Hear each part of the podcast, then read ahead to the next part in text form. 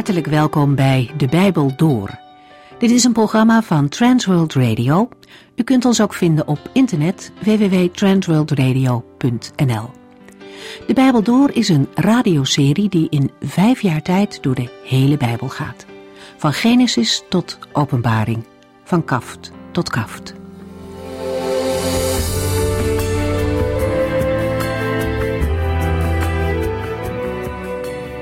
We hebben ons de afgelopen weken verdiept in het Bijbelboek Jesaja. Daarin voorzegt de profeet veel van wat er in de toekomst nog gaat gebeuren. Het herstel van het volk Israël komt naar voren, maar ook de plannen van God met de verschillende volken. Vandaag gaan we verder met de twee brieven die Paulus aan de gemeente in Thessaloniki heeft geschreven. In deze brieven komt het onderwerp van de toekomst ruimschoots terug. Er leefden bij de gemeente verschillende vragen over dit thema waar Paulus op ingaat. We kunnen ons voorstellen dat sommige gedeelten bij u ook vragen oproepen.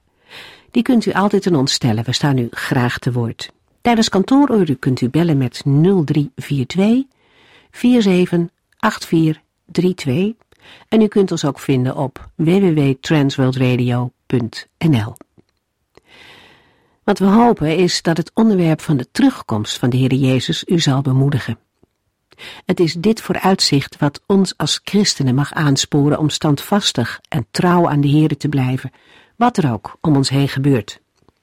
De boodschap van de Thessalonicensebrief is niet een theoretisch onderwerp over wat er in de verre toekomst allemaal gaat gebeuren. Het onderwerp is juist iets wat ons leven heel praktisch beïnvloedt, wat ons hoop geeft in dit leven. We mogen namelijk leven in de verwachting van de komst van Christus en dat besef maakt dat we sommige dingen wel en andere dingen juist niet zullen doen. En ook al lijkt het soms lang te duren, we leven inmiddels toch weer dichter bij het moment dat de Heer komt dan de christenen uit de begintijd.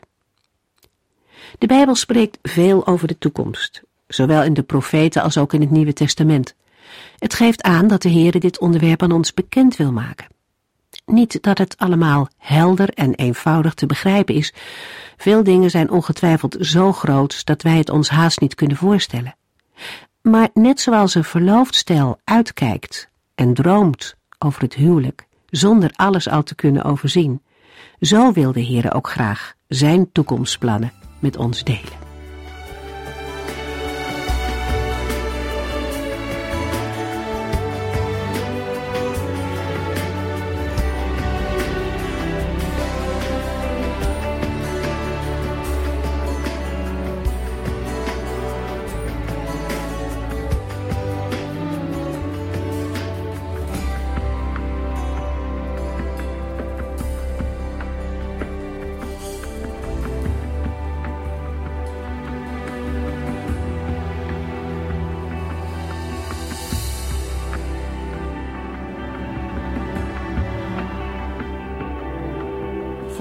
Beginnen we met de inleiding op het Bijbelboek Thessalonicense. En wel de eerste brief van Paulus aan de christengemeente in de stad Thessalonica. Paulus heeft de Heer Jezus tijdens zijn leven op aarde niet gekend, maar is in een persoonlijke openbaring door Christus tot apostel geroepen. De meeste van de brieven die in het Nieuwe Testament staan, zijn door Paulus geschreven, vooral met de bedoeling om de jonge christengemeenten op te bouwen. Deze brief aan de gelovigen in de stad Thessalonica schreef hij rond het jaar 50 na Christus. Het is de oudste brief die van hem bewaard is gebleven. Paulus bezocht Thessalonica tijdens zijn tweede zendingsreis en hij moest de stad snel weer verlaten omdat hij er gevaar liep. Nadat hij daarna in Athene en tenslotte in Korinthe was geweest, hoorde hij van Timotheus, die hij naar Thessalonica had gestuurd, dat de christenen daar ondanks alle moeilijkheden stand hielden. Paulus schrijft deze brief om de jonge gemeente te troosten en te bemoedigen.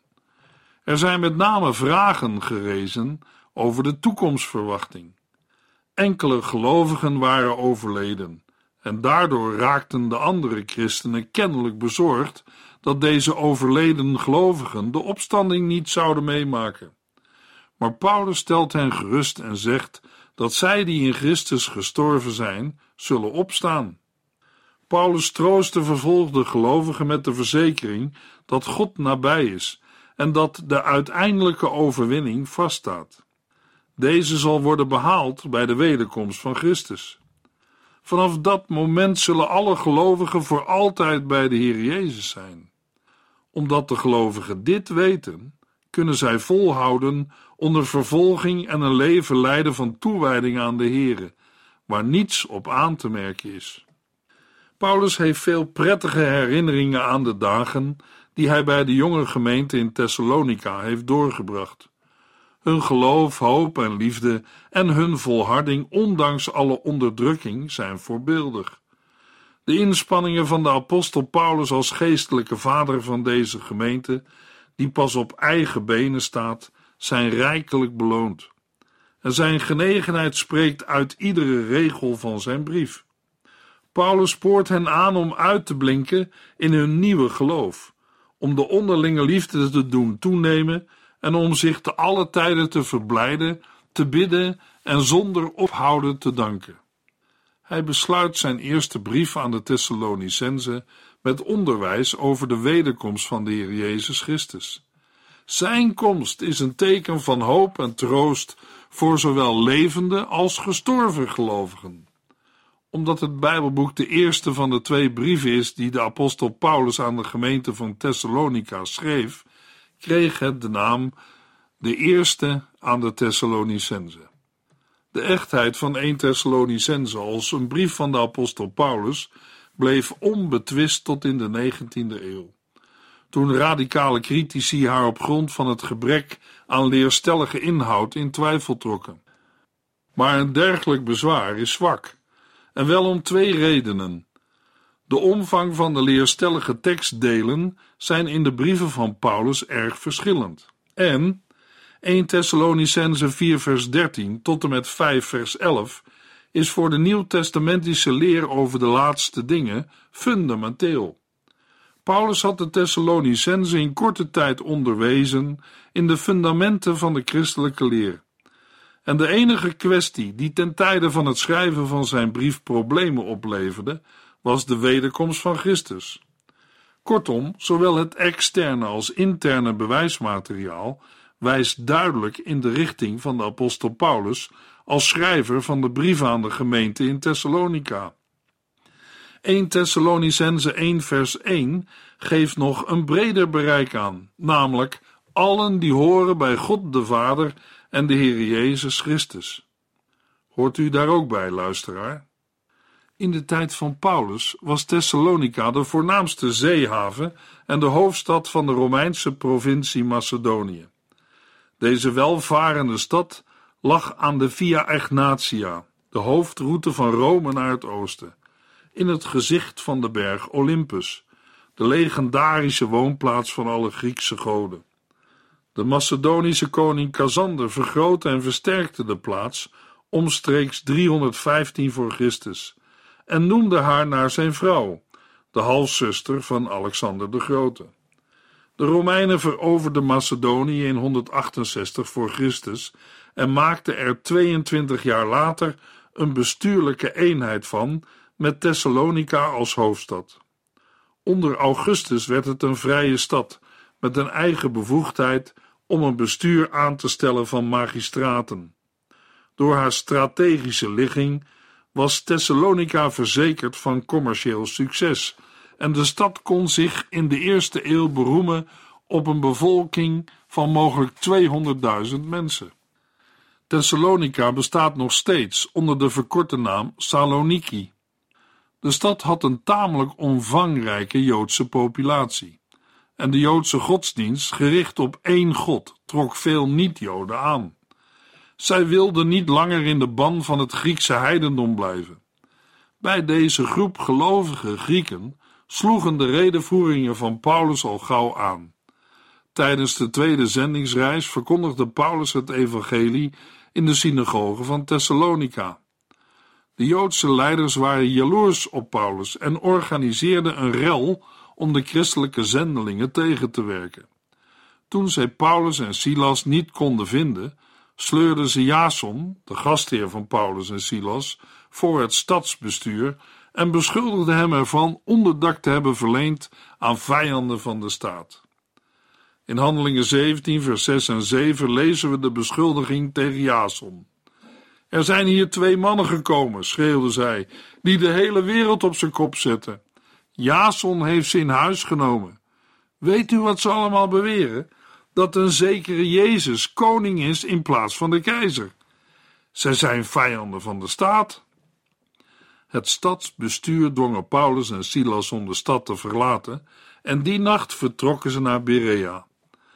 Na een poosje hitsten de Joden uit Thessalonica ook in Berea de mensen op tegen de apostel en zijn medewerkers, zodat Paulus naar Athene vertrok. Silas en Timotheus bleven in Berea achter. De mannen die Paulus naar Athene hadden gebracht, kregen een bericht mee voor Silas en Timotheus. Zij moesten Paulus zo vlug mogelijk nareizen, want de apostel zou in Athene op hen wachten. Op grond van Lucas' verslag in Handelingen zijn sommige Bijbeluitleggers van mening dat Paulus minder dan een maand in Thessalonica is geweest. Maar andere feiten spreken voor een langer verblijf. In de eerste plaats ontving Paulus gedurende zijn verblijf in Thessalonica twee verschillende schenkingen uit Filippi, 160 kilometer verderop. In de tweede plaats is er het feit dat de meeste bekeerlingen in Thessalonica niet van Joodse afkomst waren. Zij dienden daarvoor de afgoden. Dat wijst op een uitgebreide verkondiging onder de niet-Joden. Een derde argument voor een langer verblijf is een opmerking in 1 Thessalonicense 2 vers 9, waar de apostel schrijft: U herinnert zich wel, vrienden, hoe wij ons voor u hebben ingespannen. Dag en nacht zijn we in de weer geweest. Paulus is misschien wel direct aan de slag gegaan, maar hij voorzag in zijn eigen levensonderhoud door het maken van tenten, waardoor er minder tijd was voor de verkondiging van het evangelie. Daarmee is het aannemelijk dat het verblijf van Paulus wel langer dan een maand moet zijn geweest. Nadat Silas en Timotheus Paulus in Athene hadden ontmoet, stuurde Paulus Timotheus terug naar Thessalonica. Ook Silas of Silvanus ging terug naar Macedonië, maar waarschijnlijk naar Filippi. In Handelingen 18, vers 5 lezen we dat zij zich later in Korinthe weer bij Paulus en zijn andere medewerkers voegden. In Korinthe schreef Paulus deze eerste brief in het jaar 50 na Christus, in reactie op het positieve verslag van Timotheus. In 1 Thessalonicense wordt Christus verkondigd als de hoop van de gelovigen. Hij is hun hoop op verlossing, zowel nu als bij zijn wederkomst. Als de Heer Jezus terugkomt, zal Hij verlossen en bevrijden. Hij zal ons belonen en ons geloof onberispelijk maken. Hij zal ons en al zijn kinderen, ook als zij al zijn gestorven, opwekken en met Hem laten terugkomen. Hij zal ons voor zichzelf afzonderen, opdat wij naar geest, ziel en lichaam zuiver blijven tot de komst van onze Heer Jezus Christus. Door de hele brief heen is een onmiskenbare nadruk te constateren op standvastigheid en trouw in de Heer. In 1 Thessalonicense 3 vers 8 schrijft de apostel: Wij kunnen alles verdragen, zolang wij maar weten dat u zich niet van uw trouw aan de Heer laat afbrengen. Steeds komen we de bemoedigende woorden tegen die gericht zijn op een voortdurende groei in geloof en liefde met het oog op de wederkomst van Christus. Paulus en zijn medewerkers hebben er bij de Thessalonicenzen op aangedrongen uit te kijken naar de wederkomst van Christus. Ze hebben de gelovigen getroost en bemoedigd en er bij hen op aangedrongen waardig te leven tot eer van God. Dag en nacht bidden Paulus en zijn medewerkers vurig voor de Thessalonicenzen en smeken zij God hen weer te mogen zien om mee te werken aan de versterking van hun geloof. In de naam van de Heer Jezus heeft Paulus hen dringend gevraagd zich zo te gedragen dat God er vreugde aan beleeft. De dag van Christus wederkomst zal geheel onverwacht komen, maar die dag zal de gelovigen niet overvallen als een dief. Daarom moeten wij altijd op onze hoede zijn en niet slapen zoals anderen. Kijk uit naar die dag en blijf nuchter. Daarmee wordt duidelijk dat het thema van 1 Thessalonicense niet alleen de wederkomst van Christus is, maar ook het leven van de gelovigen in de dagelijkse praktijk van het leven.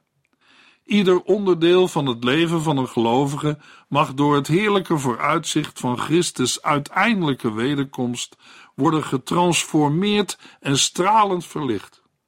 De kerngedachten van de brief worden uitgedrukt in twee Bijbelgedeelten.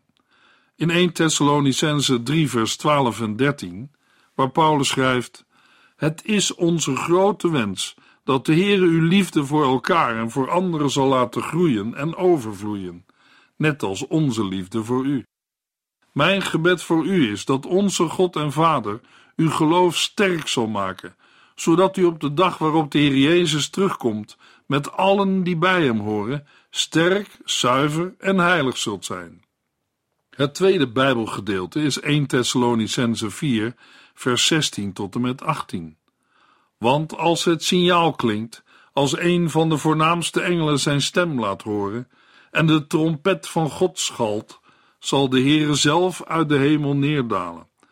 Dan zullen de gestorven christenen eerst opstaan, en daarna zullen wij, die op dat moment nog leven, met hen in de wolken worden opgenomen, om de Heere in de lucht te ontmoeten en altijd bij hem te zijn. Met dit nieuws kunt u elkaar troosten en bemoedigen. 1 Thessalonicense 4 bevat het kerngedeelte van de brieven over de wederkomst van de Heer Jezus Christus, wanneer de gestorvenen in Christus als eerste zullen opstaan en zij die achter zijn gebleven samen met hen op de wolken zullen worden weggevoerd. Een gelovige mag troost en bemoediging vinden in de opstanding tot het eeuwige leven. Zij mogen net als Paulus elkaar steeds weer bemoedigen en ondersteunen. 1 Thessalonicense 5 vers 11 Blijf elkaar dus bemoedigen en versterken. Maar dat doet u al. En vers 14 Vrienden, u moet de mensen die hun plicht verzaken heel ernstig waarschuwen. Help en steun hen die bang zijn, ook de zwakken. Heb geduld met iedereen. Tot slot van deze inleiding een kort overzicht van de eerste brief van Paulus aan de Thessalonicenzen. We zagen al eerder in het Bijbelboek Handelingen dat de apostel noodgedwongen moest vertrekken uit Thessalonica. Daardoor ontstaat bij de apostel een groeiende ongerustheid over de vooruitgang van hun geloof. Zijn grote opluchting bij het horen van het positieve verslag van Timotheus brengt hem ertoe deze hartelijke brief aan de Thessalonicenzen te schrijven. Ze worden geprezen omdat ze standvastig zijn gebleven onder alle mogelijke verdrukkingen. Ze worden aangespoord om nog meer uit te blinken in hun christelijke levenswandel en getroost en bemoedigd met betrekking tot geliefden die in Christus zijn gestorven. Het thema van de wederkomst van de Heer Jezus komt in deze brief steeds weer te sprake. En in 1 Thessalonicense 4 vers 13 tot en met 5 vers 11 is een van de meest complete nieuwtestamentische uiteenzettingen van deze cruciale waarheid gegeven. De apostel Paulus heeft 1 Thessalonicense 1 ingedeeld in twee hoofddelen. In 1 Thessalonicense 1 tot en met 3, waarin het gaat over de persoonlijke gedachten van de apostel over de Thessalonicensen, en 1 Thessalonicense 4 en 5, waarin het gaat over het onderwijs van de apostel aan de Thessalonicensen. De persoonlijke gedachten van Paulus over de Thessalonicense in de eerste drie hoofdstukken beginnen met een karakteristieke groet in vers 1. Genade zij u en vrede van God onze Vader en de Heer Jezus Christus. De groet is een combinatie van een Griekse en Hebreeuwse begroeting. De Griekse begroeting genade zij u en het Hebreeuwse shalom of vrede zij u, waren in die tijd gebruikelijk. Het eerste hoofdstuk is een dankbetuiging voor de verandering van de Thessalonicenzen van mensen die afgoden dienen in hoopvolle christenen. Geloof, liefde en hoop zijn de ware kenmerken van het nieuwe leven van deze gelovigen. In 1 Thessalonicense 2 vers 1 tot en met 16 zet Paulus zijn onderwijs aan de Thessalonicenzen nog eens uiteen en verdedigt zijn optreden en motieven, kennelijk bij wijze van antwoord aan tegenstanders die zijn karakter en boodschap proberen te bekladden en tegen te werken. Paulus stuurt Timotheus naar hen toe om hen te ondersteunen en is heel opgelucht als Timotheus weet te berichten dat hun geloof en liefde niet verflauwd zijn. Daarom sluit Paulus het gedeelte af met een gebed dat de Heer hun geloof sterk zal maken. In het tweede hoofddeel, in 1 Thessalonicense 4 en 5, waarin het gaat over het onderwijs van de apostel aan de Thessalonicense, zet Paulus een aantal hoofdpunten van zijn onderwijs op een rijtje. Het is een serie aansporingen en onderwijzingen om hen aan te moedigen om vooruitgang te blijven boeken. Hij herinnert hen aan zijn al eerdere onderwijs in zaken kwesties van seksuele en sociale aard. De gelovigen van niet-Joodse afkomst missen de morele opvoeding in de wetten van Mozes, waarin de Joodse broeders en zusters wel zijn onderwezen. Nu zij geworteld zijn in het woord van God en zijn boodschap hebben aangenomen, moeten de lezers weerstand bieden aan de voortdurende druk vanuit de heidense samenleving. Paulus heeft hun ook verteld van de wederkomst van Christus, en ze zijn zich zorgen gaan maken over hen die al in Christus zijn overleden. In 1 Thessalonicense 4 vers 13 tot en met 18 troost Paulus hen met de verzekering dat allen die in Christus sterven of zijn gestorven, bij zijn parousia, bij zijn wederkomst, met hem zullen worden opgewekt en met hem zullen terugkeren. In 1 Thessalonicense 5 vers 1 tot en met 11 zet de apostel zijn eschatologische uiteenzetting voort met een beschrijving van de grote dag van de Here. In afwachting van deze grote dag moeten de gelovigen waakzaam en nuchter zijn, als kinderen van het licht die bestemd zijn voor de verlossing en niet voor het oordeel. Paulus vraagt de lezers om elkaar eerlijk te behandelen en geestelijk te blijven groeien. De brief eindigt met de wens dat ze geheiligd mogen worden. Drie verzoeken en een zegenbede. Bid voor ons, groet alle gelovigen en lees deze brief aan alle voor, met de bede: De genade van onze Heer Jezus Christus zij met u. Amen. We sluiten deze inleiding af met de vraag: Heeft Paulus in de christelijke gemeente van Thessalonica ook al met dwaalleraren te maken gehad? De eerste en tweede brief aan de Thessalonicenzen zijn vermoedelijk Paulus' oudste brieven. Mogelijk is Galaten nog ouder geschreven vanuit Korinthe. Maar ook in Thessalonica waren er al sporen van de dwaalleer. We vinden in de beide brieven de neerslag van de eerste confrontatie van Paulus met de gnostische vrijdenkers binnen de gemeente. We moeten de verschillende leerstukken die Paulus in beide brieven aan de orde stelt, niet zien als op zichzelf staande onderwerpen, maar als onderwerpen die met elkaar samenhangen het onderwijs van Paulus over de opstanding van de doden, de grote dag van de Here en zijn veroordeling van het ongeregelde gedrag van sommige gemeenteleden zijn met elkaar verbonden. Mogelijk hoort ook de seksuele onreinheid bij dezelfde problematiek.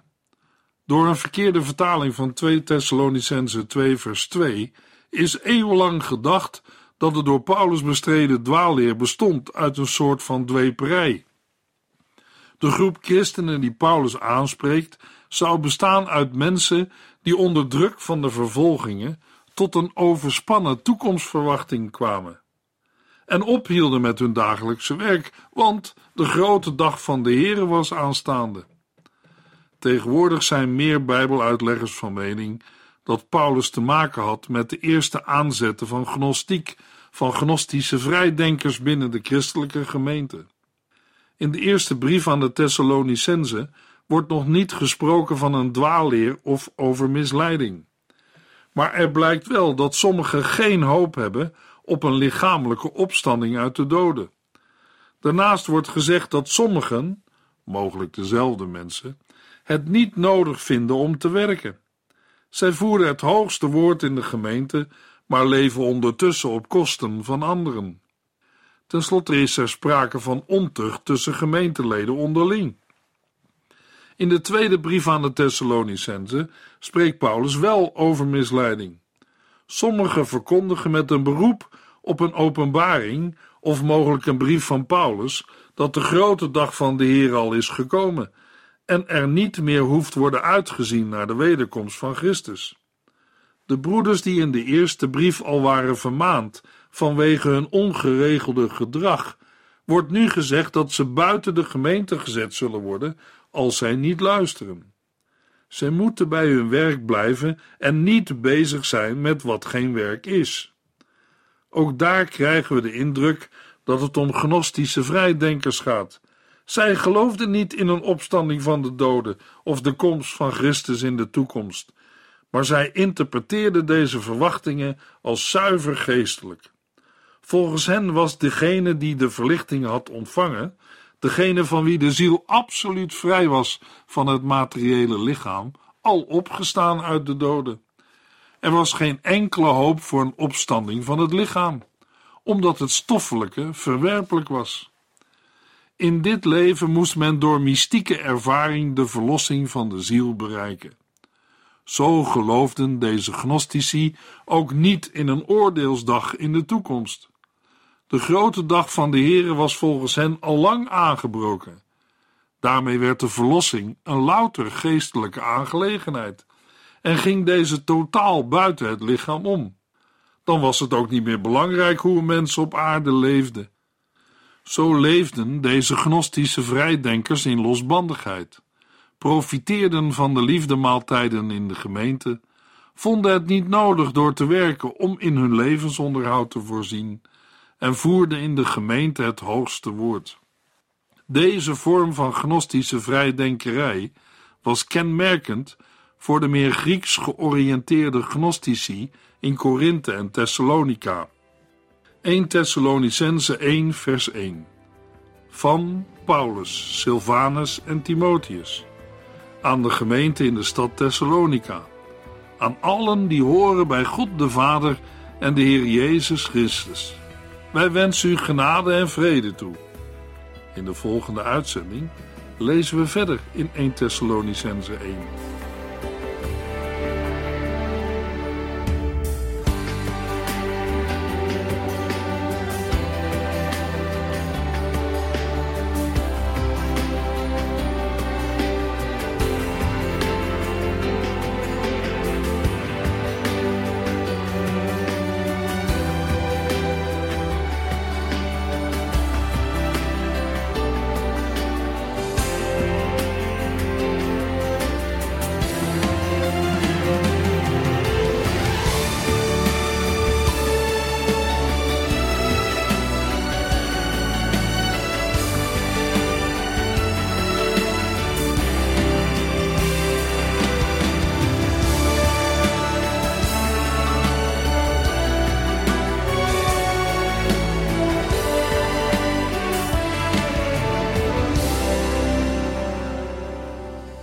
Eindigt deze aflevering van De Bijbel Door.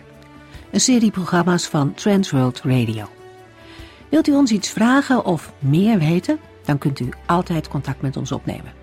Bellen kan overdag met 0342 478432. Per post Transworld Radio. Postbus 371. Postcode 3770. Anton Johannes in Barneveld. En e-mailen kan ook. De Bijbel door at transworldradio.nl En natuurlijk ook via onze website transworldradio.nl Dit programma werd gepresenteerd door Cor Weda en Ike André. En namens iedereen die er nog meer aan meegewerkt heeft, graag tot de volgende keer.